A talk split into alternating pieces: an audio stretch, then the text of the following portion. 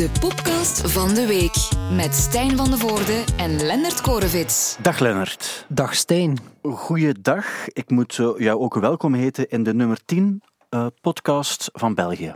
Ja, ik heb dat gehoord. Ja, dat wordt gefluisterd ook. En uh, ook bevestigd door Spotify zelf. Ja, we hebben het allemaal gezien deze week. Mensen moesten delen naar wat ze zoal geluisterd hadden. Ja. En uh, wat stond er bij jou op één? Uh, qua podcast? Nee, in het algemeen, muziek eerst. Ehm, eigenlijk, maar, eigenlijk een band dat ik vind dat meer mensen zouden moeten leren kennen. Ja, Under, iets underground? Redelijk underground, maar gewoon vrij goed. Die, die gasten zijn eigenlijk al sinds dat ze vrij jong zijn bezig. En die blijven, die blijven Kindsterretjes, zoals je het zo zegt? Eigenlijk kindsterretjes, wel getraumatiseerde kindsterretjes ook, maar gewoon twee broers die goed bezig zijn. De Gallagher's, uh, het gaat over ja, de band nee, Oasis. Compact Disc Dummies. Ja, er wordt echt gefluisterd dat uh, die band echt op één staat in jouw overzicht. Hoe komt dat? Kan dat soms zijn dat je in de auto zit of op de trein of zo en dat je dan denkt, ik kan gewoon eens gewoon genieten van... Uh, Nee, ik, ik heb zelf gekeken, want ik was eigenlijk wel verrast. En dus ja. ik moet nummer 90 keer hebben afgespeeld. En dat kan eigenlijk wel kloppen. Ja. En, uh, elkaar?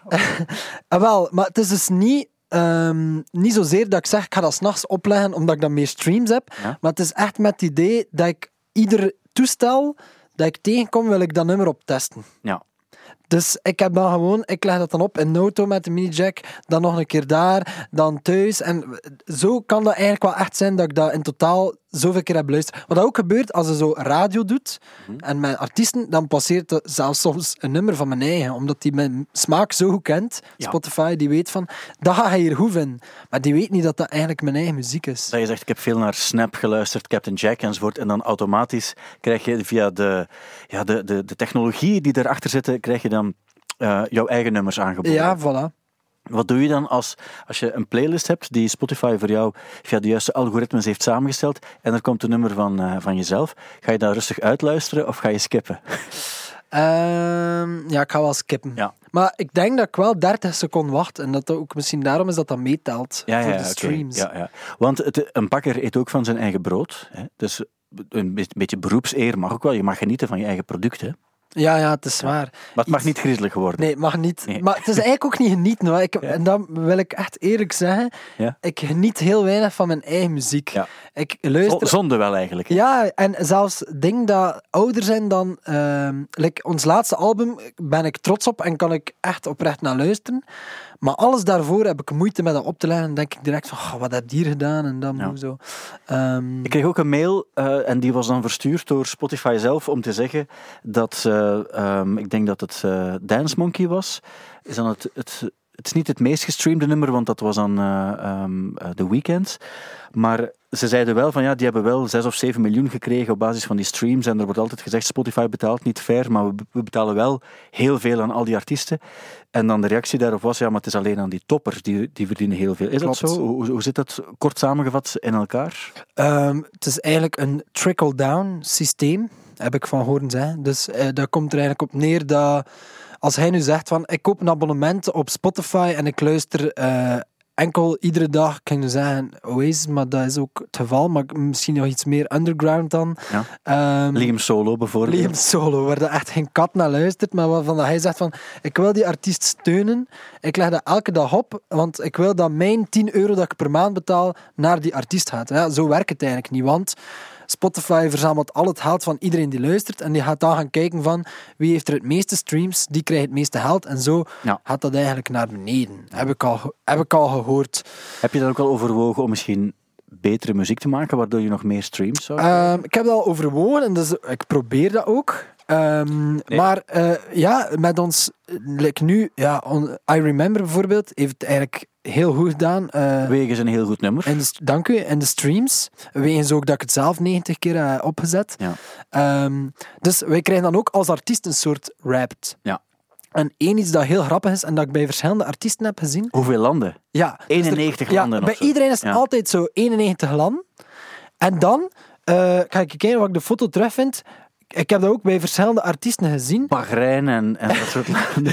En dan vraag je And this year you got introduced to 14 new countries. ja, waaronder? En dan Russia loved you most. Bij al de Ah, artiesten. dat is juist, ja, ja, ja, ja. Zou het een soort van charme-offensief zijn, Van zoals. Sting ooit heeft gedaan, zo, I hope the, the Russians love their children too.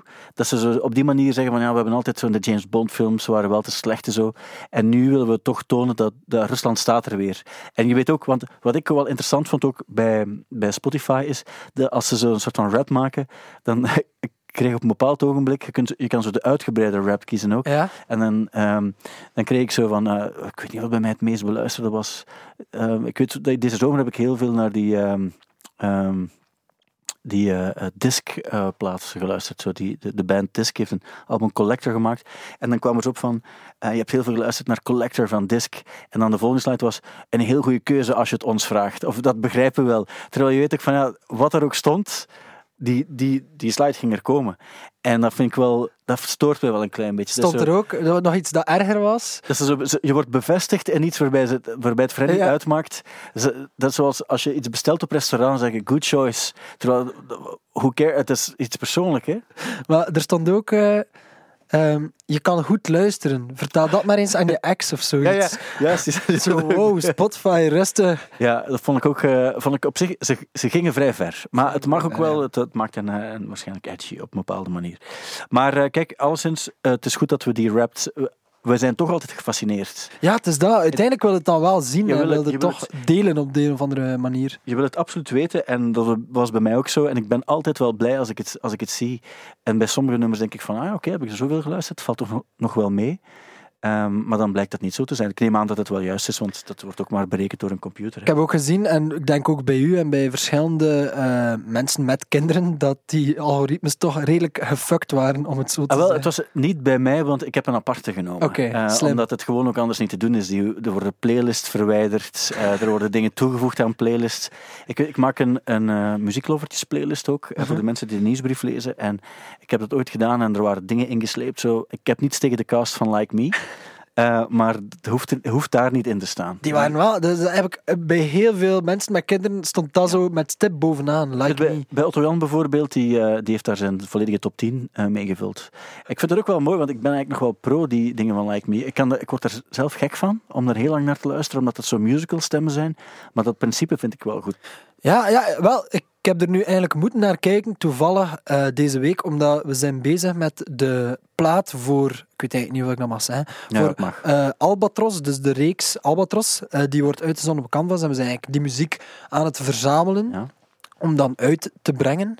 Ehm, en ja, één nummer daarvan, eh, eigenlijk heel veel van die nummers die erin voorkomen in de, in de reeks, worden ook gezongen in Like Me. Dus ik moest zo wat vergelijken van, ja, het ligt toch niet te dicht eh, bij elkaar. En Ah, deze week ja. moest ik werken aan het nummer van Gordon, Ja? kon ik maar even eh, Bij je bij je zijn, zijn. ja. Ja. En eh, ja, ik heb toch geprobeerd om er iets minder... Om er iets eh, anders mee te doen. om er iets anders mee te Ja. doen. Iets ingetogener, eh laat het Moeilijk, eh, moeilijk. was moeilijk, ja.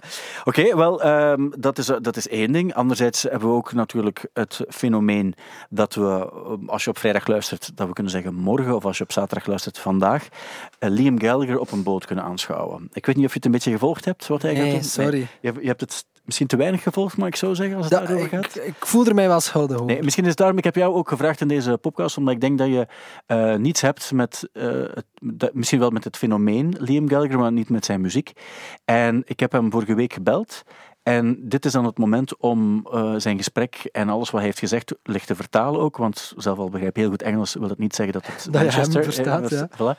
En dat we ook even kunnen evalueren hoe het is gegaan. Ja. Ehm, en dan weten we ook iets meer over ja, toch een van de belangrijkste figuren uit de hedendaagse rockmuziek. Mag ik dat zo zeggen? Als hij dat zo wilt stellen, dan eh, laat ik u dat zeggen. Ja, maar ik zag ook trouwens in je overzicht dat je The Crips als een van jouw, jouw favoriete platen van het jaar hebt. Ja, dat, dat was een verrassing voor mij. Ja, hè? Dat, je, dat je die erbij had gezet. dat was eigenlijk op het laatste moment. En dan zag ik zo, ah, die had een plaat uit. En ik, ben eigenlijk, ja, ik vind eigenlijk een vrij toffe band. En ehm, ik vond die plaat dan eigenlijk verrassend goed. Voor eh, mannen die al 15 jaar niets meer gedaan hebben ook. Allee, of, Ja, toch al lang, hè? eh, toch al lang, ja. Of pak 10 jaar. Waarvan dat ik dacht van... Ah, wauw, cool. En er staan een paar heel goede popsongs op. Met zo'n ruwer kantje. En dat vind ik wel tof. Ik heb ooit eens, ehm, ik ging naar de Crips kijken en ik dacht dan, maar zo, die gitarist, hoe hard kan je best doen om Johnny Marr te lijken? En achteraf hoorde ik dan, ja, maar dat, dat was ook Johnny Marr. Die heeft ook een tijd, eh, tijd, tijd meegespeeld, met Ah ja, één plaat of zo ja, meegespeeld ook. hè. En eh, vandaar. Maar oké, maar het ging dus over Liam Gallagher, die gaat dus een livestream uitzenden morgen om 9 uur onze tijd. En dan zi- zit hij op een, vaart op een boot. Van eh Hert en James, of... Nee, kunnen we toch ergens serieus eh, behouden Nee, over, nee, ja, over dit eh, kunnen, onderwerp? Dus hij heeft een, een boot eh, gehuurd en daarmee gaat hij de, de River Thames, gaat hij, of de Thames zeggen ze eigenlijk, die, dus hij vaart over de, de rivier, zoals de Sint eigenlijk ook, ook doet bij de Schelde, en het is ook 5 december. En dan zingt hij zijn nummers, maar terwijl hij door Londen vaart. En ehm, je kan dat dan volgen live, maar je kan ook gewoon naar de. Je moet daar normaal voor betalen. Het is wel 22 euro of zo, denk ik. Maar als je luistert naar de, naar de podcast en je kan de vraag juist beantwoorden, krijg je misschien een gratis code om in te loggen. Dat is Dat is misschien wel eh, interessant. Eh, maar daar gaan we het dadelijk over hebben. Want hij heeft ook een nieuw nummer gemaakt en daar moesten we het uiteraard ook over hebben. Dus ik mocht hem bellen. En ehm, ja, dit is altijd een beetje een experience. Ik heb hem al een paar keer mogen, mogen spreken en hij was altijd super vriendelijk. Op zijn manier wel ook. Hè. Het is niet dat dat zo hartelijk is of zo, maar op zijn manier is, is hij altijd wel best vriendelijk. Dus ik, eh, ik belde hem en dat ging dan, het ging dan zo. Hello Liam, this Hello. is this is Stan from Studio Brussels from Belgium. Ah, marvellous. How are you? This is Liam from London. Hi Liam, how are you? Mm. Yeah, I'm good, mate. I'm good. As you know, can't complain. Still here. Yeah, you're there, and we're very happy about that. Uh, we have a lot to talk about too. Uh, maybe we should start with "All You're Dreaming Of." It's a new song, Why not? and yeah, it's a perfect song for this time of the year. Well, it is indeed. It's uh, we've had a, well, we've all had a terrible year, and it's. Uh, so I just think you know it was nice when we first started messing about with this song. It had a bit of a. Had a bit, it had a strong sense of hope and stuff, and it had a bit of a Christmassy vibe. So I thought, let's release it at Christmas instead of June next year. So uh, yeah, no, I'm really pleased with it. Was important for you after a strange year like this to do something warm, something special? Without a doubt, well, a lot of people are going, oh, you know, I wonder if he releases some kind of angst, you know, anti-government kind of song or anti-this and all that tackle. And for me, it's that's not. I'm not interested in ranting and raving, man. Christmas time is uh, is a special time. I've always loved Christmas, and I've always loved Christmas songs. You know what I mean? So yeah, it was nice to release a nice, heartwarming song, and I've, we've definitely got that in our locker. Feels right. No complaining, man. You know what I mean? What, what complaining is going to get you nowhere. Let's just feel positive, have a good time, stay safe, and let's see what next year brings. Lennart, als je dit hoorde, wat, is er iets dat je opgevallen is? Ehm, ja, goede vragen, sowieso. Ja, ik heb eigenlijk geen vragen gesteld.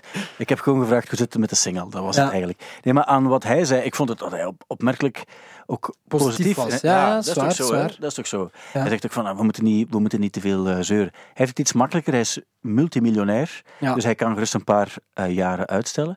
Ja, bij jullie was dat anders, hè? Ja. Ik bedoel, jullie hebben een plaat gemaakt en dan wil je ermee gaan spelen. En dat is ook belangrijk dat je ermee kan spelen. Want ik heb me soms geërgerd aan muzikanten die eh, zeiden van, ah, we wachten met het album uitbrengen. Ik dacht van, het, zijn nu in, het is net in deze tijd dat je muziek, muziek moet uitbrengen, maar zo werkt het niet. Ja, het, het is, ik snap het. Ik, ik had ook een beetje het, hetzelfde met heel veel muzikanten die van in het begin eh, zo heel hard eh, een soort zelfmedelijden tentoon spreiden. En, ehm, maar misschien was dat omdat wij dat zelf niet voelden, omdat wij gewoon heel DIY ingesteld zijn en dat wij zoiets hadden van oké, dit is het probleem en dit is hoe dat we gaan proberen om dat op te lossen en op te vangen en toch die plaat eh, te releasen. Dus in die zin, ja, met al dat promowerk en, en al, die, al die dingen, is dat eigenlijk wel nog veel werk geweest. En hebben we eigenlijk wel ehm, er zoveel mogelijk proberen uit te halen. Maar ja, het is natuurlijk nu als je denkt van goh, wat dat was en wat dat, dat kunnen zijn, dat is wel, dat is wel vervelend. En dat voelt nu met het einde van het jaar dat je denkt van ja, we hadden toch een heel stuk verder kunnen staan, denk ik. Die frustratie snap ik ook wel een klein beetje. Maar goed, zo bekeek hij het. En ik denk ook wel eh, dat hij ja, op een juist moment, hè, want hij heeft nog wel een stuk kunnen toeren ook, en heeft in februari ook nog in België gespeeld, in Vors bijvoorbeeld. Dus hij, hij bekeek het ook wel. Wat, een ander punt dat mij toch wel opviel, is zijn, eh, zijn kerstvibe. Ja. Ja, ja daar, daar, ik weet niet of ik daarvan schrik. Het weinige dat ik, dat ik weet van, eh, van Liam is dat hij, ehm, als ik zo interview, ik vind het wel grappig om naar interviews met hem te kijken, want Ja. hij altijd zo wat onvoorspelbaar is. En Ja. dan staat hij zo ergens met een zonnebril en dan weet een interviewer niet hoe, wat hij ermee moet doen en zo. Ehm, dus hij, heeft altijd zoiets gehad van, eh, eh, er is zo één interview dat er zo'n band aan het spelen is op achtergrond en dan is hij zo bezig, zo wat zijn die wankers daar eigenlijk weer voor blijdmuziek aan het spelen. Hé, eh, hij wil toch naar een festival komen om je te amuseren. Dus ik denk dat hij diep van binnen wel zo een warm familiemens is en Ja, dat hij zo... Zegt hij ook, hè? En Ehm, da- ja. da- daar kom ik eigenlijk bij het volgende stuk, want effectief, hij, een band als Star Sailor bijvoorbeeld, dat kan hij niet aan, hè. dat vindt hij verschrikkelijk. Maar ehm, hij, kerstmuziek dan weer wel, want hij is, zoals hij dus zelf ook zegt, een, een Christmas person. I know a lot about you, but I didn't know that you were a Christmas person. Yeah, man. Love Christmas. Love all the vibe. Love the kids, presents, trees. We go to town decorating the house. Love the snow whenever we get it. And that. No, I've always loved Christmas. Love it. I even saw there's a, a special Christmas section on your website, and you can buy Christmas bubbles and uh, a gift set Yeah. with, with light boxes. And Yeah. so Christmas is something. Well, yeah, man. I've, yeah, man. We loved it, man. Growing up and that. Christmas. What is there not to love about it? You know what I mean? It's like, you know, no, I love it. I love the crack. I love having family over, having nice times, getting drunk, talking shit. Cool. It's cool. I love it.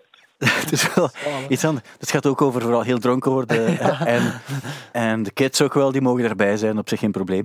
Maar ehm, ja, het is, is een, een kerstmens. En Het is zo, toen wij zo denken aan... ehm, dus wordt zo gezegd van Ice Cube, dat hij ook zo eigenlijk een warm familiemens is. Maar als hij erover praat, dat hij... Ja, dat is zo hetzelfde met Liam. Het is eh, zo praten zo stuur, zo, zo... Yeah, presents, mate. presents for the kids. Warmth. En dan zo denkt, zo, ja, dat blijft zo een ruwe bolster, maar eh, van binnen toch. Gesmolten chocolade. ik, eh, ik geloof het ook wel. En ik zal het dadelijk ook nog wel bewijzen eh, met een ander fragment. Maar goed, het gaat toch ook over wat er de zaterdagavond gebeurt. Om 9 uur kan je dus naar die livestream kijken. Heeft hij wat Oasis-nummers dat hij gaat spelen. En het is echt op een boot die, die beweegt op een rivier. Het is al opgenomen. Het is al eerder opgenomen, maar je kan er dus maar één keer naar kijken. En daarom moet je dus ook... ze willen mensen dan, dan ook laten betalen daarvoor. En het, het complete concept zit dus zo in elkaar. On Saturday, December 5, we can all watch a very special live stream. What can you tell us about that? Right, so obviously we're not we're about to cancel a lot of gigs this year because of the COVID thing. So we were thinking, how do we do a nice gig? You know what I mean for the people. And uh, everyone was going, oh, should we do? Oh, well, fans were going, can you do a Zoom gig? And I'm, that Zoom gigs are not for me. They're pathetic. I don't. I'm, I'm not having that. We we need to get out. So anyway, we decided to hire a barge, get down the River Thames, and plug in and give it some. Uh, turn it up. You know what I mean? So it's a proper punk rock. It's a punk rock gig, man, on the River Thames. London looks beautiful and it sounds amazing. So yeah, I'm really pleased with how it went. What was the main reason why you choose for the, the River Thames? Um, I don't know really. I mean, obviously, I mean, I, for one, I'd never been. on- I've never been on the River Thames in my entire life. Okay. So it was the first time. The first time me doing it. I don't know. I just thought. I just didn't want to do it in a venue. You know what I mean? Like a lot of people have been doing gigs in venues, and it's just it's just basically you on a stage in the dark, and it could be anywhere. And it's a bit. It sounds like a bit of a sound check. So this was a bit more. We're moving on the bow, and it's just got a bit more of a vibe. I think it's very, it's very punk rock, and it's very Sex Pistols, and to me, that's what it's all about. And obviously, there was a few people on the embankments and stuff, and we had all our friends on a boat beside us, sort of travelling at the same time. So they were bringing the vibe as well. So every time we finished a song, they were proper going for it and cheering and that. But um, obviously, it'd be nice to play in front of the fans and all that tackle. But it is what it is, man. You just got to go with the flow, aren't you? Dat is ook DIY, hè? Ja, ik, ik snap vrij goed wat hij zegt van dat, dat soundcheck-gevoel. Want wij hebben ook in, in de Kreun gespeeld in mei. En dat was eigenlijk eh, gecapteerd, dus met camera's. Dus je staat eigenlijk in een zaal dat je kent. Je hebt daar al veel gespeeld met publiek en nu doe je daar een show. Het is geen soundcheck, want het is echt een show. Want je weet dat er 700 mensen aan het kijken zijn. Maar er is gewoon geen publiek, dus er is gewoon geen... Dus ik snap ergens dat hij zoiets zei van... Fuck it, we doen gewoon eh, Rockstar eh, op die boot en dan eh doe maar iets tof dat, dat ik mij ook kan amuseren. Ja, natuurlijk. Ik vind het ook wel de manier waarop hij het dan verkoopt. Hij zegt van, nou, het is echt dat is punkrock en dat is heel Sex Pistols. En dan dacht ik van, ja, dat is waar. En dan dacht ik, maar eigenlijk is het gewoon op een boot liedjes zingen. Ja, Op de Flandria-boot zou je dat ook kunnen doen. Maar het is wel hoe hij het verkoopt natuurlijk. En hij heeft ook het budget om zo'n dingen te doen. Ook om er een boot naast te leggen. Want ik geloof, ik kan me niet voorstellen dat, dat je dat eruit haalt met de tickets die verkocht worden voor Ja, ik weet het ook niet. Ik, ik zag nu ehm, in het muzieknieuws dat Dua Lipa haar show, dus haar ehm, online show, dat er 5 miljoen mensen een ticket voor gekocht hebben. Amai. En bij Billie Eilish zal het ook wel zoiets geweest Ja, zijn. hè? dus de Dua Lipa was nu de meest, tot nu toe, Ah, de meest verkochte streamconcert eh ooit. Dus ja, er moet wel ergens een publiek voor zijn. Maar ik denk wel, in België is dat publiek toch eerder klein. Maar het gaat Misschien moet dat ook nog groeien, dat weet ik niet. Hij, hij zit ook in Latijns-Amerika en in Azië en zo. Dus, eh, Tuurlijk, eh, dus tuurlijk. die zal wel wereldwijd. Want je ziet ook, het is op verschillende momenten dat het uitgezonden wordt, afhankelijk van het continent waarop je zit en de tijdzone dus ook. Dus daar wordt wel over nagedacht. En bij die wereldbands zal er wel een, een, ja, een soort van winstmodel aan plakken, denk ik dan. Ja, ik denk dat ook. Ehm, langs de andere kant, ik denk dat er sowieso wordt er geld voorzien voor promo. Ja. En dan zeggen die van, kijk, een deel is promo op die manier en een ander deel is, ah, je verstaat het, Ja, als- ja, ja. Sowieso zonder COVID zijn er ook veel bands die zeggen: ah, als, als stunt gaan wij nu een keer eh in hollebolle hijs en mond gaan spelen of zo. Ja, ja. Dat is eigenlijk nog een goed idee. Dat is een goed- heel goed idee. Dan krijg je iets anders te horen dan eh, Ja. papier hier. Geld in gooien. Ja, ja, om maar iets te zeggen. Maar goed, eh, je moet iets doen in coronatijden en Liam dus ook. Dit is een van de dingen die hij gedaan heeft. En verder heeft hij zich rustig in stilte bezig gehouden. You just got to take it, you? It is what it is, you know what I mean? It's like we're all in it together, so there's no, you're not going to get anywhere moaning about it, you know what I mean? You just got to do what's required, and you know, hopefully, you know, we'll, we can do it all next year, you know what I mean? But yeah, it is a pain in the ass, but this is this is life, man. We're living. This is no rehearsal, man. You know what I mean? This is the real deal. This is life, and if things have got to be cancelled, they've got to be cancelled. When you have a lot of time off, like you had last month maybe, what did you do? Did, do you have any new hobbies, for example? Uh, no, well, in the summer it was nice because we just moved into a new house, so it was nice sort of just getting the house together. And we've got a nice garden, and uh, so it was nice just sitting out in the garden and having a couple of drinks and stuff and listening to the birds and that. Obviously, we've done a few tunes. You know, we was in the studio making some music, and then I've had a little bit of a studio built in the house just to get some demos down. So we're doing a bit of that. And um, this second down, this second time lockdown, obviously it's just upon us. But um, yeah, just we haven't been doing anything spectacular. I put up a few shelves, took a few down. You know it is. And of course, there's a lot of time to watch football too. We have to talk about Manchester City. Well, well, the football, the football, yeah, the football, the football. Yeah, City have been a. It's not been a good start for Man City and that, but uh, no, but I think we have to talk about it- because we have Kevin De Bruyne, which is uh, somebody from Belgium. and the main man, the main man. No, the main man. He's the main man. I love Kevin De Bruyne. Yeah. But you know what it is with Kevin De Bruyne? I think Pep needs to give him a rest. Mm-hmm. I think he's absolutely. I think he's knackered, man, and I don't think don't think he needs dropping because he's not playing well because he is. I just think he's absolutely shattered, and we need to like give him a give him a bit of time off. You know what I mean? And he'll come back on fire. That's my theory. Dus hij heeft eigenlijk gewoon wat in zijn tuin eh, gezeten en pinten gedronken. Die heeft eigenlijk niets gedaan, wat, wat mag hè. Zeker. En dan eh, wat voetbal gekeken goed van als dat het, het woord Manchester United zei, werd zijn enthousiasme nog een keer maal 100 precies. Ik zou geen Manchester United mogen zeggen, want dan zou ik kwaad zijn, maar het moet City zijn. Ah, Manchester ja. City, eh, dus een, een, een Ja, sorry, ik ken echt niets van voetbal. Nee, nee, maar dat hoeft ook niet. Ik, ik, ken er zelf ook niet zo heel veel van, maar ik kan wel vrij goed het wel goed dat je, dat je zelf Kevin De Bruyne Ja, zei. maar anders, ik heb het ooit aan hem gevraagd en, hij verstond, verstond het, niet. niet. Het is echt waar, het is echt waar. Dus ik heb het nu zelf gedaan, want anders, eh, anders ja, dan hebben ze het gevoel van wie. En dat is, als je Vincent Company zegt ook, dat verstaan ze trouwens ook Wat niet. moet je dan zeggen? Vincent Company. Ja, ja, dat is natuurlijk een beetje lullig om het zo, om het zo te zeggen, Ja, maar, maar dan verstaan ze het wel. Vinny, zeggen ze. Maar. Ik, ga nooit Vinny zeggen, dat is echt zo te, te Vinnie. Compy. Maar het is wel, wat ik wel indrukwekkend vind, is bijvoorbeeld zo'n Kevin De Bruyne, of in de tijd ook Company, zeker helemaal in het begin. Ja, het, feit, als je zou zeggen van, maar die Gallagher's, die, die vinden jou de max, omdat je goed speelt, dan zou die het gevoel hebben van, wie, en, what, en whatever. dus voor die mannen is dat eigenlijk zo, who cares, Allee, dat is zo oude... Ja, ja, ja. Geen bal uit. Ook als je zegt tegen Kevin De Bruyne, dat hij zegt, ah, dat is die kerel die Wonderwall gezongen heeft. Ja, dat is leuk. Hè. Maar dat betekent eigenlijk niets, want die zijn in totaal andere dingen. Mocht je zeggen, Ja. Tupac heeft vanuit zijn graf een fax gestuurd om te zeggen dat jij jou een goede speler vindt, ja, dan gaan die helemaal smelten. Dus dat, terwijl dat hij uw erectie moet bedwingen tijdens een telefoongesprek met Liam Gallagher. Nee, we hebben nooit eh, tijdens Werchter, dan eh, was het, was het eh, Noel Gallagher samen met, met, eh, met Vincent Company, die samen naar de studio kwamen. En dan zag je ook al, want ik vroeg dan ook van ja, nou, wat voor muziek luisteren jullie dan? En hij zei ook van ja, dat is vooral R&B, maar ook naar Wonderwall. Terwijl Wonderwall, ik weet ook, die, die Gallagher zelf, die denken ook van ja, dat is effectief het nummer dat ons zwembad heeft betaald en zo. Maar ja, dat is niet de referentie waar, waar je als Oh, ik zou dat zelfs niet durven. Dus dat is op zich wel... En die zegt dat ook niet, niet slecht bedoeld, Nee, want dat is oprecht. Dat is ook zo, die luisteren naar van die R&B, naar van die ja, Drake-achtige dingen of zo. En dan Wonderwall ook. En dat is, ja, dat is ook oké. Terwijl, eigenlijk, ik geloof wel zo de, de old school, dus de, de oude City-fans, die vinden dat tof dat er in dat stadion de Beatles en Oasis gespeeld wordt ook en zo. Eh, En het is voor zo de Chinezen die een keer komen kijken naar Manchester City, dat ze dan zo, ja, die, terwijl al die spelers die komen vanuit Argentinië en zo ingevlogen en die, tuurlijk hebben die niets met die oorspronkelijke scene, die Manchester scene. Dat vind ik wel op zich, eh, op zich nog Ik heb ook een keer eh, voetballers geïnterviewd ehm, voor de ideale wereld. Ja. Maar echt zo erin geworpen ook. Zo. Ja. En ik wist ook niemand. Ik moest iedere keer vragen: zo, wie is dat? Wie is dat? Ja. En dan moest ze zo de naam zeggen. Ik weet het zelf al niet meer. Zo, eh, ja, dat is de keeper. En hij noemt zo.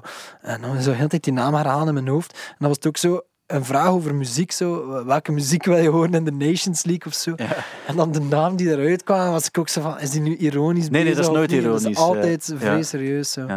Ja. Dus dat gaat dan... Ja, dat is ook heel veel IDM en zo dat die goed vinden. Ja. Zo heel veel Dimi en Vegas en... eh, Ja. Daar komen we straks ook nog Ja, even ja, op terug. Hè. Trouwens, voetbal, ja, dan, ze hebben ook twee keer, eh, of hij heeft ook twee of meerdere keren zelfs, Diego Maradona mogen ontmoeten. Wat eigenlijk ook een soort van actueel gegeven was, zeker vorige week, want toen was hij echt net gestorven. En eh, ik moest er dus ook een vraag over stellen. You met Diego Maradona twice. Can you Yeah, say something about him and how it went when you met him? Well, I met, the first time I met him was in in uh, Buenos Aires in Argentina in a hotel, and um, we, you know, we were backstage. You know, we were in the bar after doing a gig, a festival, and he steamed in. And I think he was having a party upstairs with all his mates and a couple of ladies and that. And uh, we said, "Look, can we come and have a quick picture with you?" So he invited us up. We had a drink, we had a chat, and um, he was nice, man. He was definitely, definitely away with, the, you know, he was definitely partying and that in party mode. But he was nice. And then I met him at main at City, at City's ground a few times, and he was, uh, he was cool.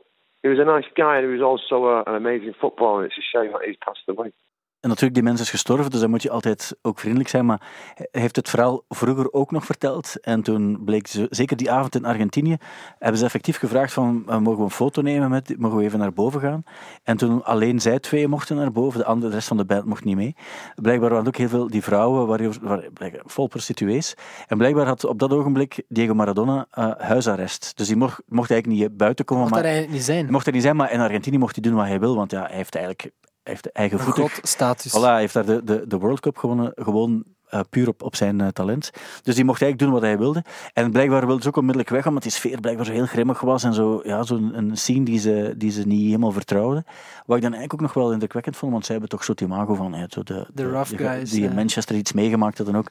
Ehm, dus dat, dat vond ik eigenlijk nog wel... ehm, eh, ja, eerlijk is misschien het juiste woord, maar zo nog wel ontroerend dat die man ook beseft van ja, maar dat is zo niet, niet, wij zijn niet cool genoeg om daarin mee te gaan. En dan vond het raar dat hij nu dat deel van het verhaal wat wegstak. Nee, ik snap het ook. Ja, nee, ik, kan me ook wel voorstellen als iemand net gestorven is, Ja, dat, je dan, ja. dat je dan zo de iets gematigde versie van het verhaal brengt. Ja. En, en bij die andere verhalen vinden ze het ook nooit erg, denk ik, om ze extra stevig te maken. Daar zijn ze ook altijd goed in geweest. Om, om dat soort verhalen iets meer, iets meer verhaal te maken. Ja, het is zo. zo altijd zo. En dan, ehm, zeker bij Maradona ook.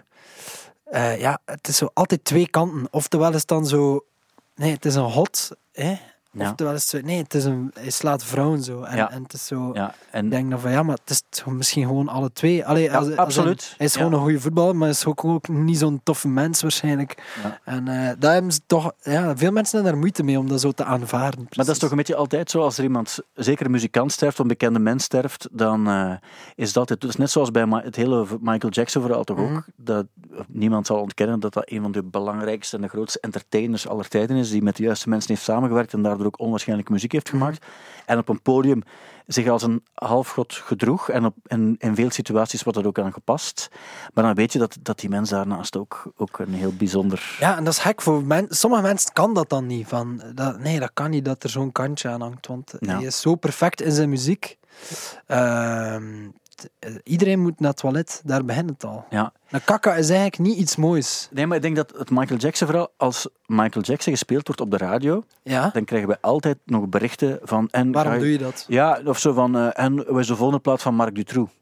Dat is echt waar. Dat is, letterlijk Marc ook... Wat-. Er is één iemand die dat... Wel, mocht hij het... Guy van Zande wel, wat een ander verhaal is. Eh, die vind je op Spotify ook.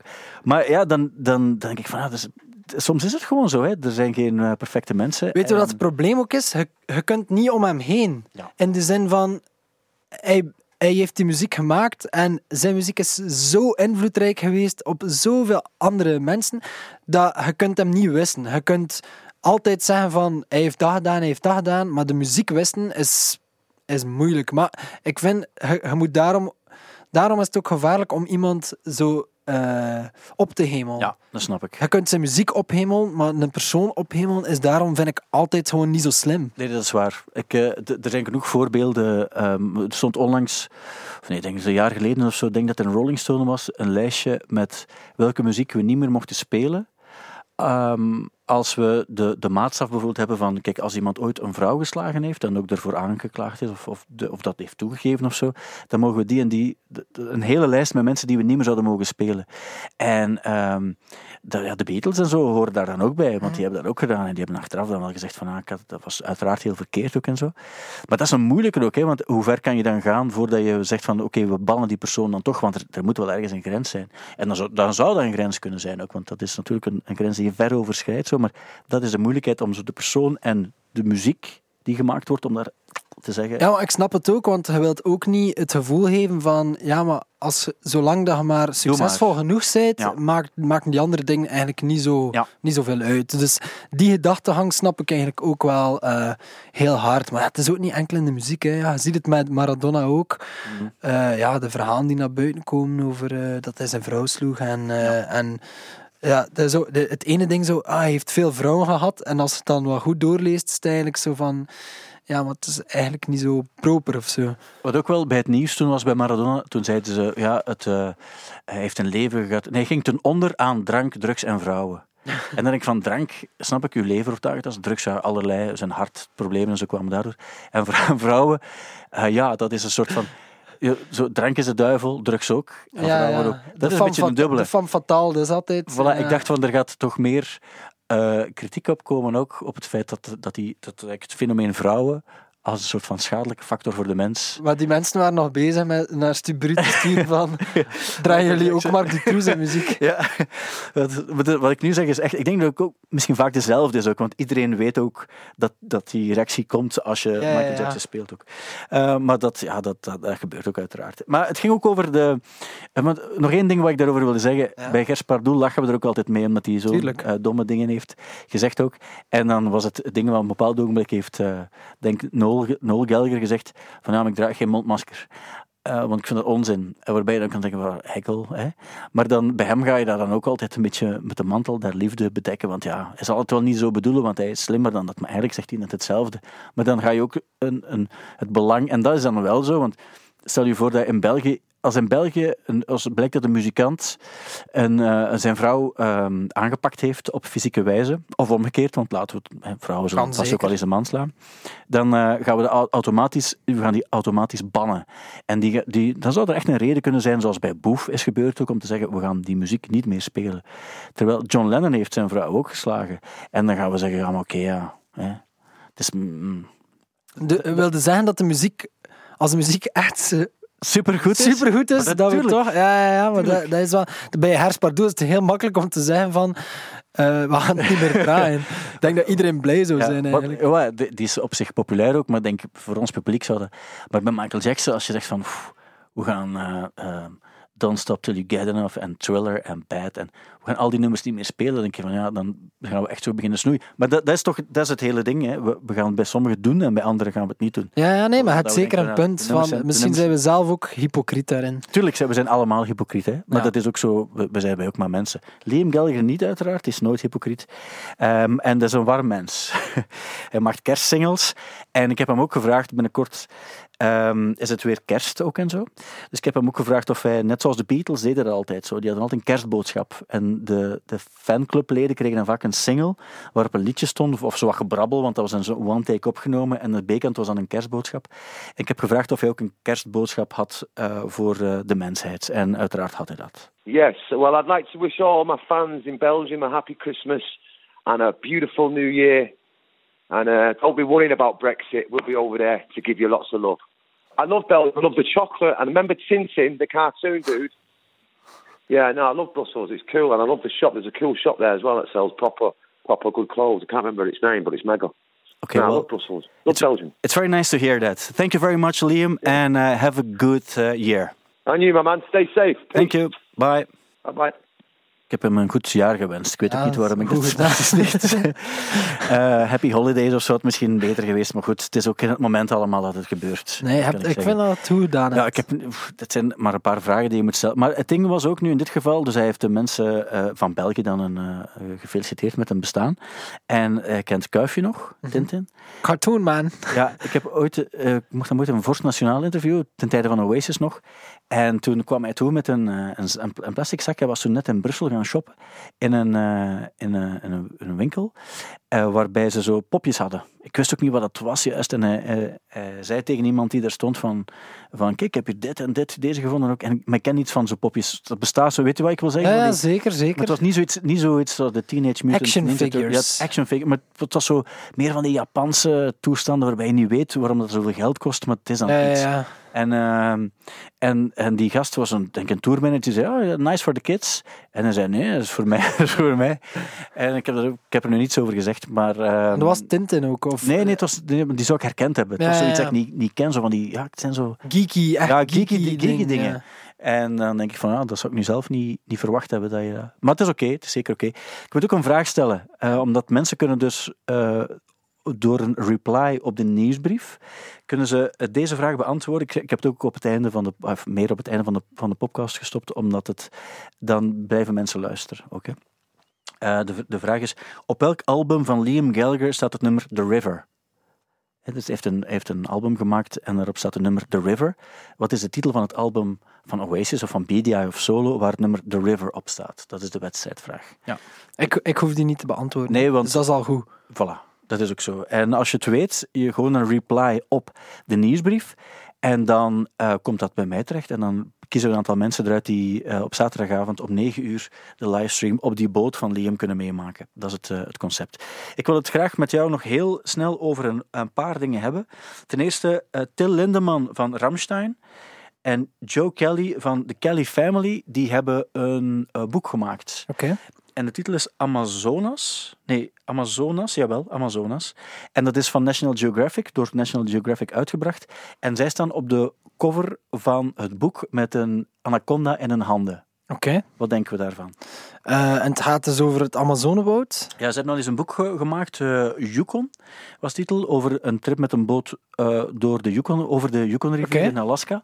En nu is het dus de Amazone die ze samen... Maar het het is een doet van de Kelly Family en dan, dan Till Lindemann van Rammstein. Wat vind ik al een onwaarschijnlijke match. Dat is waar, dat lijkt mij een ongewone eh, combinatie, maar ehm in, de, in de muziek kan het snagen. Hè. Als het al tussen Kevin De, de Bruyne en eh, Noel zo goed kan gaan, of eh, Liam, dan, dan verschiet ik eigenlijk Ja. nergens van.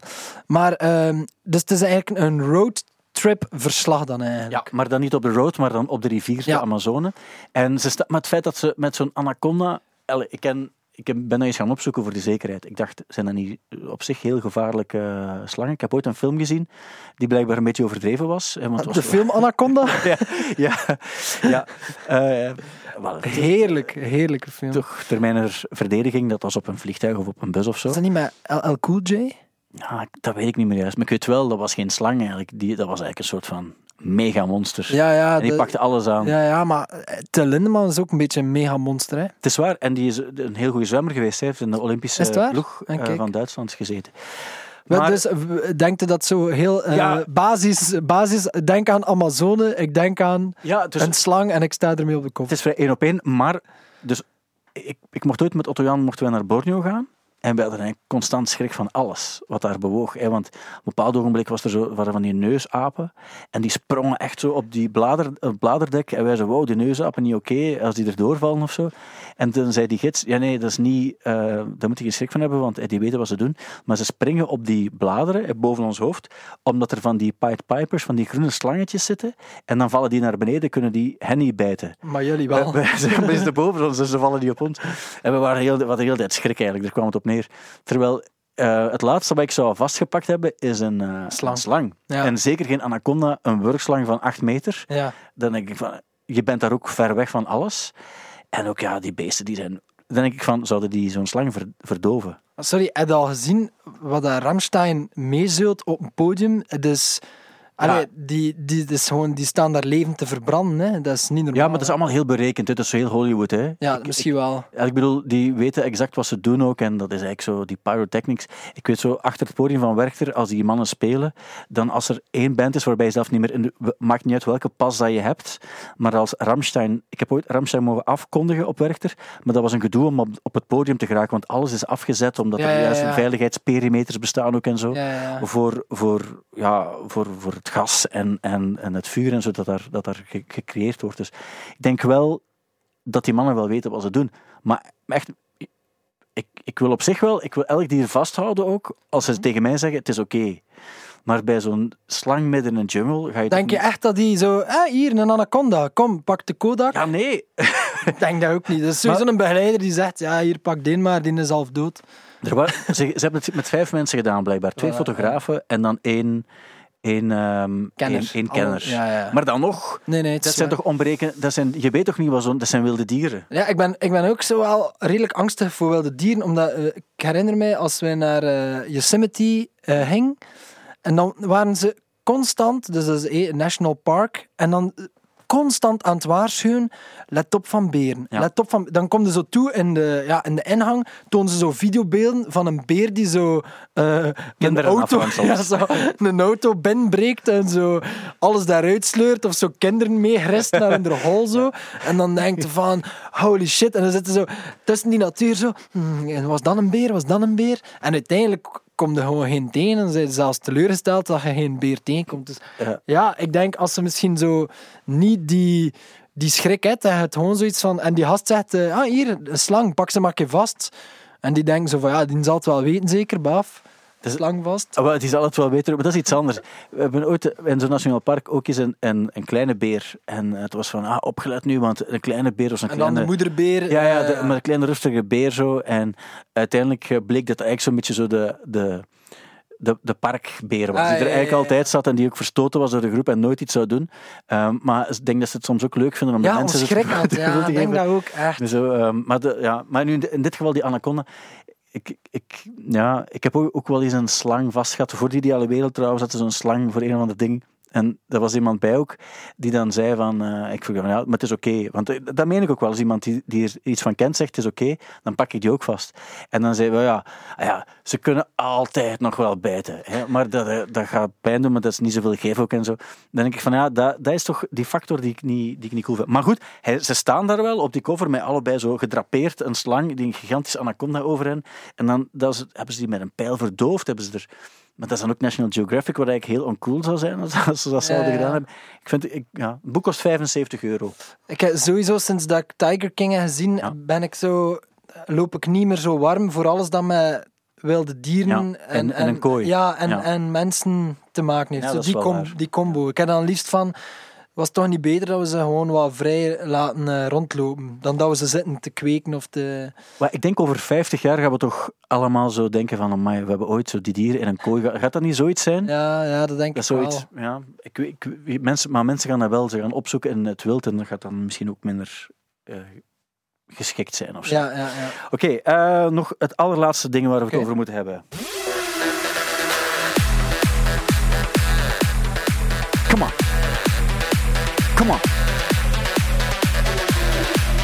Weet je wat ik altijd cool vind? Als je zo bij die, eh, ik denk dat vooral Reggie is, die doet dan zo, hè. Zo, hè. Haha! Waarbij je weet van, waarom, waarom eens haha? Omdat hij je liggen heeft. Ah, omdat, de- omdat ik het nu toevallig op de drop zei. Ja, voilà. De, de min, de Hij min dacht, drop. hij weet niet hoe dat, dat nummer in elkaar zit, maar hij wist het wel. Het gaat over, eh, ja, we hebben er deze week nog eh, een, een, eh, een conversatie op de socia- sociale media over gehad. Je hebt Dimitri Vegas en Like Mike bekeken op streams. Ja, dat is eigenlijk een docu-reeks van Erik Goens. Ja. En waarom heb ik die be- bekeken, zie ik, zie ik de luisteraars eh, zich afvragen. Om dezelfde reden waarom ik ze ook heb bekeken. Ja, en dat is eigenlijk omdat, eh, weet je, hebt zo voordelen. Gemakkelijke vo- vooroordelen Ja. van, eh, vooroordelen liever, gemakkelijke vooroordelen over Dimitri Vegas en Like Mike. En als je dan zo'n documentaire ziet, Kan dat soms helemaal ontkracht worden. en dat is het in dit geval niet. En dat, dat maakt het zo mooi. Dus Ja. soms voel je je schuldig van, ja, is het eigenlijk wel... Is het eigenlijk wel goed dat we zoveel lachen met Dimitri Vegas en Like Mike? En als je dat dan ziet, dan denkt je van ja, eigenlijk wel. Ik moet, ook, ik moet wel eerlijk zijn, ik heb het al gedaan ook, dat ik op bepaalde plaatsen mocht gaan draaien. En het was Ja. zo meer zo echt voor, voor veel, als het zo voor, voor wat meer volk is. En zo'n tent, dat zijn geen fancy evenementen, in tegendeel. Dan is er zo buurtfeesten of zo, waar je dan toch zo platen gaat draaien. En dat is heel plezant eigenlijk. En op een bepaald ogenblik denk ik van ja, ik ga het maar doen. Omdat je weet... Wat ga je dan doen? Wat ga je dan doen, Stijn? En gewoon omdat je weet dat je er zoveel mensen hebt plezier. Dat je, je draait uiteindelijk op die evenementen draai je, je draait voor de mensen. Ah ja, ja, ja. En ik, ik ben ook geen DJ die. Draai je dan de hem. De hem van Dimitri Vegas en Like Mike. Dat geloof ik nu echt niet. Maar dan denk ik van, je doet het toch voor de mensen. Ja, ja, sowieso. Maar als hij zegt, ik ga wat platter draaien, dan, dan wat draai je dan? Maar ik moet toegeven, als ik dan platen ga draaien, dan is het is een soort van. Ik draai ook altijd wel zo Studio Brussel gitaarplaten. En dan zo, wat we vroeger de Max-platen noemden. En Ja. zo meer zo de dancingen en wat hip-hop, zelfs wat RB ook erbij, ook omdat het plezant is. Want als de meisjes dansen, danst iedereen. Ja. Ehm, maar ik moet toegeven dat er momenten geweest zijn waarop ik dacht van. En ik, Wat ben ik aan het doen met mijn leven? Ja, nee, want ik denk ook van daar, daarvoor. eh, Ja. Dus ik wil niet te veel grenzen overschrijden, maar ik heb de hum al overschreden. Ik Heb je al gedraaid? heb het al gedaan. Oké. En ehm, Ga je daar... voel- ik me er dan altijd super comfortabel bij? Nee, maar ik doe het wel. Maar dat is iets anders. Maar ik moet ook, er zit ook in de reeks, eh, ik denk volgens mij een, klein, een kleine eh, knipoog naar, naar een kleine vete die er ooit geweest is tussen Dimitri Vegas en Like Mike. Ehm, en dat was eigenlijk, het was ook niet mijn, mijn beste ding. Dus Dimitri Vegas en Like Mike hebben op een bepaald ogenblik hebben die, eh, moeten spelen op Laundry Day, denk ik, in Antwerpen. Ja, ja, daar, daar gaat het even Ja, over. voilà. En, ehm, 2015. ja, dat zou kunnen. En Nee, het is zo. dus, voilà, 2015. En eh, ik deed toen de ochtend en de dag erna deden we dus de ochtend. eh, Dus Siska presenteerde de ochtend en ik mocht af en toe daar dingen vertellen. En ik weet dat we veel mee aan het lachen waren, want op een bepaald ogenblik hebben ze gewoon zo de, de set afgebroken. Ik heb toen wat, wat gelachen ook om, om te zeggen van ja, het is ook moeilijk als je die set helemaal op voorhand eh, maakt. Dan kan je niet zomaar proper een korter nummer spelen om het af. Want ja, die set is nu eenmaal klaar. En in die reeks zegt hij van ah, toen eh, wordt er gesproken over de USB en het is met de USB. Het ging eigenlijk over u. Terwijl dat is niet zo. Want, nee, ik had niet, hij gaat niet meer. Maar ik weet toen, is- toen zijn ze heel kwaad geworden ook. En Ja. toen hebben ze ook gebeld naar Studio Brussel om te zeggen van dit kan niet. En hij moet zijn excuses aanbieden. En ik heb toen gezegd van ik ga dat niet doen. Maar hij mag mij altijd bellen. Dit is mijn nummer. En toen was het is goed, hij gaat u bellen. Hij zit nu op een, op een vlucht. Want ze had het gehoord op, eh, toen ze in de auto zaten naar eh, het vliegtuig blijkbaar. Omdat ze naar Ibiza vlogen en op Ibiza gaat. En ik had gedacht van het is goed. Ik zei wel zitten om eens te bellen. Want ik had dan ooit eens in, in een programma gehad, beide. Eh, Zo'n blokprogramma nog lang daarvoor. En dat waren wel vriendelijke kerels op Ja, een manier. Zo. Eh, Dat was zo, op hun manier waren dat, eh, die waren hier ook en op zich niet verkeerd. Maar ik moet ook wel lachen om, om hen als figuur. Tuurlijk. Niet zozeer met die Dimitri Vegas, maar die Like Mike, dat is, Ja, dat is, dat dat is is een soort van meme. Ja, Dat is niet normaal. Ik, ik wist dat ook niet dat, zo, Ja. dat, dat zo absurd was. Dat is, dat is absurd. Die Dimitri Vegas heb ik eigenlijk niet zo het gevoel. Want ik denk, mocht, mocht het Dimitri Vegas punt zijn, dan zou je denken, ah ja, zoals Reggie, wat eigenlijk ook een, een vriendelijke kerel is of zo. En dan denk je, van, die- zijn met andere dingen bezig. Of die is met andere dingen bezig. Maar, maar die Like Mike, dat is een soort, dat is een next level. Dat is, ik denk eigenlijk, als je zo... Ehm met wat moet je het vergelijken? Ik weet niet, het, eh, het, begint, het begint en hij wandelt binnen en hij ziet eruit als Riff Raff. Ja. Geen zever. Hij heeft zo van die vlechtjes in zijn haar. En dat mag, hè? En dan zo... Maar eh, wat, eigenlijk wat ik... Dus ik, ik ben echt zot van zo'n soort documentaires. Ik kan er zo van genieten. Like Karen maakt een plaat en dan zo... Ja. Al die dingen die zichzelf zo vrees serieus nemen. Ehm, ja, vaak wel ironisch ook. Maar wat ik gewoon zo goed vind, is dat er dan zo, dan komt er zo van die, van die diepe gesprekken over hoe dat is als, als, als DJ en als muzikant en dat leven hard is en van wat dat je probeert met je, de samenhorigheid, met je nummers dat je wilt doen. En als het dan afwisselt met echte muziek die dan gedraaid wordt, dan moet je altijd beginnen lachen. Ja. Omdat zo... Dan hoor je het. Ja, dat klopt like, gewoon niet. Je kunt like, zo geen doc- documentaire daarover maken. Dat is like, zo grappig, omdat like, zo... Ja, het is pure fun en ze weten dat ook wel. Ehm, maar zo...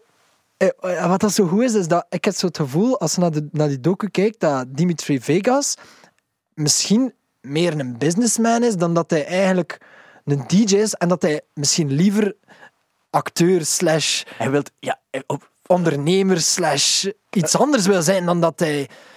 je hebt het gestuurd ook, hè, want allee, we hebben ook gezien in de reeks wat zijn ambities ook nog En zijn. ze zijn niet, ze zijn niet min. Allee, we moeten eerlijk zijn. Ja. Ik heb ambities, Ja. maar de ambities van Dimitri Vegas, dat is... Kan, je, kan je toch een tipje van de sluier eh, Wel, op een bepaald moment eh, heeft iemand uitgenodigd, eh, de, denk, eh, een, een vriend die bij DC Comics werkt, Ja, als ik het goed begreep, was zijn vader de eigenaar van Batman. eh, de rechten van Batman. Ja, Batman. Ja. Ja. en, en denk van vrij veel. Zo Ja. Spider-Man, achter die dingen ook. ja. En hij, Batman, het was Batman. Ja, en hij zegt, eh, Dimitri zegt van, eh, is het ook zo te spelen met zo'n Batarang, wat ook like, al vrij grappig is.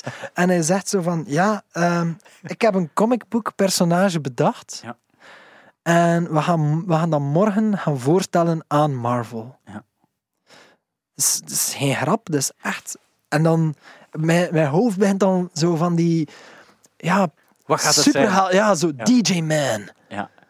Want eigenlijk, dat is het, het coole aan aan Spider-Man ook en zo, dat is eigenlijk, als je dat zou verklaren, weet je wat, dat is een man en die heeft een soort van, die kan, net zoals een spin, kan die dan, en dat, je kan er eigenlijk niet, je kan dat, in deze tijd kan je dat in zijn basic vorm niet uitleggen, Nee, dat is zonder te dat je zegt van, ja, ridicule dit is, eigenlijk, ja, voilà. Maar door de hele legacy klopt dat Werkt helemaal. dat, ja. Maar ja, als je in deze tijd zo een, iets moet bedenken, man of een vrouw met een superkracht, wat ga hij gekozen hebben? Ja, het is een, hij heeft een superkracht, maar hij wordt miskend Ja. door de anderen. Hij kan vliegen eh, met zijn voeten op de aarde of zo. Zoiets waar je denkt van, ah, ik weet niet goed wat je bedoelt, maar het gaat wel cool zijn als hij het zegt.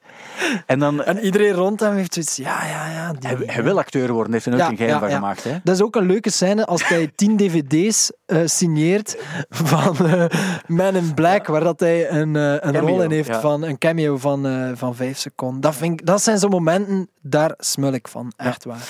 Het is eigenlijk wel, want ik, ik moet toegeven, ik ben afgehaakt na aflevering 3.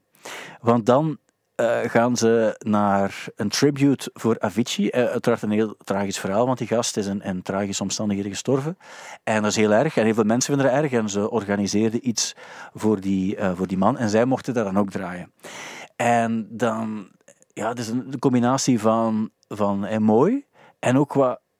Want het gaat dan ook wel, ik heb honger en het het hier koud. En, en dan denk je van, ja, dat is... Hoe moet je dat zeggen? Ik had, is ik had het gevoel ja, dat, ze, dat, dat ze toch ergens het gevoel hadden van, we missen een soort band. emotionele Ah ja, ja. spanningsboog of een, of een insteek die wat meer eh, gewicht heeft Ja. aan het verhaal van. Dimi en Mike. Dat is niet simpel, hè. En ik denk dat ze zo dachten van ja, misschien is dat wel een goede link van het leven van een DJ is hard. Ze drinken ook wel echt veel in de reeks. Ze zeggen de hele tijd, we drinken niet zoveel, maar dan, als ze dat zeggen, drinken ze ook echt veel. Ja. Op een bepaald moment zijn ze om 8 uur 's ochtends op het vliegtuig eh, shotjes aan het drinken. Wat dat heel cool is natuurlijk, en ik ben er oprecht jaloers op. Eh, maar ja, dat, dan kan het natuurlijk al snel ontsporen. Dus misschien eh, dacht Erik, van, eh, Erik Hoens van, oké, daar voel ik wel een soort emotionele gelaagdheid dat ik er kan bijsteken. Maar ik vond het wel geforceerd. Ja. Een van mijn... een van de leukere dingen aan de reeks vind ik ook... Dus er is heel veel in het Engels. Het begint ook met Engels. Met Team Ja. die gewoon alleen in, in, in een eh, hotelkamer tegen, met Erik Goens aan het praten is, maar heel tijd in het Engels. Waarbij ik dacht van, ah, het is voor de internationale markt misschien. Maar de, de- al die eh, stukken daarna zijn dan gewoon plut, vlot in het... Ja, in het, in En tegen elkaar wisselen ze Ja. ook soms. ja, Vrij, vrij raar. Vooral die Like Mike, omdat hij op zich, eh, zijn Engels accent ligt helemaal goed. Maar het is vreemd dat hij zoveel in het Engels... Wisselt. die- tegen zijn die- broer ook. hè. ja. Dus dat, eh, maar goed, het mag allemaal en het is mooi dat het bestaat. Kijk, ik ga één iets positiefs zeggen. En dat ik ehm, akkoord mee ben als hij dat zegt. Eh, hij zegt hey, van 2015 en hij zegt op een bepaald moment eigenlijk zou het voor ons moeilijker zijn om een voorgemixte set Ja. te faken.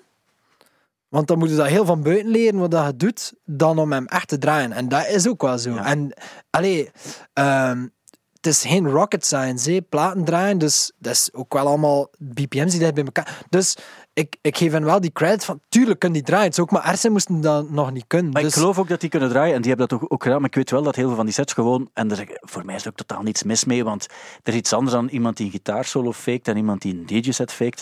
Ik weet dat heel veel van die sets wel op voorhand gemaakt zijn, omdat dat gewoon met het vuurwerk afgestemd moet worden. ja, en, en je ziet dan wel ook de playlist selecteren, of maar dat is iets wat alle DJ's doen. Tuurlijk, hè, en dat, dus- is ook, dat hoort er ook bij. En niemand vindt het belangrijk of het live gebeurt of niet. Ik weet gewoon ook, toen toen ze hier een set gespeeld hebben, dan was ook de het wordt gefilmd, want het was op 12 ook. Dat was ja niet op de handen filmen, niet, want die set was wel voorbereid. Ja, ja. En dat was prima ook, want who cares hè, of het Nee, live nee, gebeurt of niet.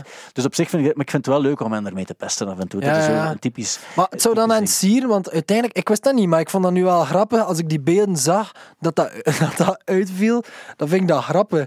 En dan vind ik het nog grappiger dat ze dat zo serieus nemen. Want eigenlijk zou het hen sieren om, like dat ze bij de Mia's ook doen, ze gaan gewoon niet naar de Mia's, omdat ze iets zijn van, fuck dat, dat is veel te laag voor ons.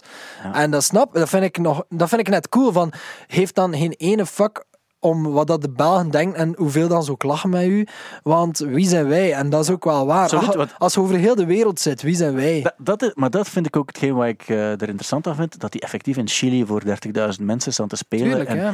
en in Azië ook en zo. Dus dat, dat, is ook, dat is ook zo. En dan kan je zeggen, ja, maar is, als je ermee lacht, is het uit jaloezie. Maar dat is niet helemaal waar. Nee, dat is niet maar waar. ik denk ook gewoon, het zijn wel echt figuren. En ik denk vooral dat, dat het, die, het is die Like Mike, dat is een figuur. Dat is eigenlijk, als hij gewoon, mocht, hij, mocht Dimitri Vegas met gewoon een foto van Like Mike met zijn vlechtjes naar, naar, naar een of ander comic gegaan zijn, dan zou je denken van, dit is een super... Hey, wat kan hij? is misschien.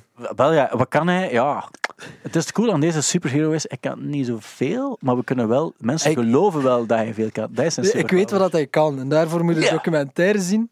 Hij kan, hands in the air. hij kan u eh, het idee verkopen om de, niet vlees zelf, maar de textuur van vlees te 3D printen. Hij is een beetje de vegetarische slager. Dat is juist. Die- zegt, dat zit er. Dat is, dat is een moment waarbij als mensen. Ik, ik, ik weet nog, ik was dan aan het kijken en er werd een opmerking gemaakt ook van. Ja, waarom gaan we daarin investeren? maar heeft het gedaan. En godverdomme, dat siert hem ook. Voilà. Kijk, ik ging eigenlijk nog zeggen, weet je wat, we kunnen ook naar eh, All You're Dreaming of van Liam Gallagher nog luisteren, maar we gaan dat niet doen, want we zijn al een uur bezig. En eh, ja, geen idee waarom ik altijd met die 50 minuten in mijn hoofd zit, maar Ja, omdat ehm, de spanningsboog van de Stubru-luisteraar is is vrij kort. vrij kort. Maar ik weet ook, en dat heb ik ook gehoord, dus, dus de, de nummer 10 eh, podcast van België. Hè, ja, wie staat er op nummer 1 eigenlijk? Weet je dat? Op één, Lieve Scheire, Oké, Nerdland. oké. En ik weet ook dat die eh, Welcome to the AA van Alex Agnew, die staat ook heel hoog. Maar, en, dat, en dat is ook tof omdat heel veel mensen er naar luisteren. Ook, en dat is ook eh, van harte gegund, uiteraard. Maar blijkbaar heeft het ook te maken met de lengte. Dus als mochten we podcasts maken van twee uur, Ja? dan is de luisterduur ook veel langer als mensen het interessant genoeg vinden om Ah, uit te ja, luisteren. ja. En dan verdien je meer seconden. Ah. Maar goed, er luisteren ook heel veel mensen naar en dat, ik vind dat ook, eh, ook helemaal prima. Het is mooi dat er mensen luisteren. Misschien moeten we het zo zien. Eh, ik vind wel... Ik vind het vrij fenomenaal. Ja, zeker. Ah, ja. Zeker, absoluut. En daarom, dankjewel om te luisteren. Dit was de laatste gewone eh podcast van de week.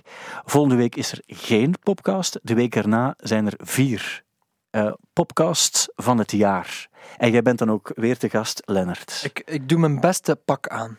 Voilà, dan komen we allemaal samen. Dat wil zeggen, jij, eh, maar ook Otto-Jan en zeker ook Iris en Kirsten. En dan gaan we het samen bespreken.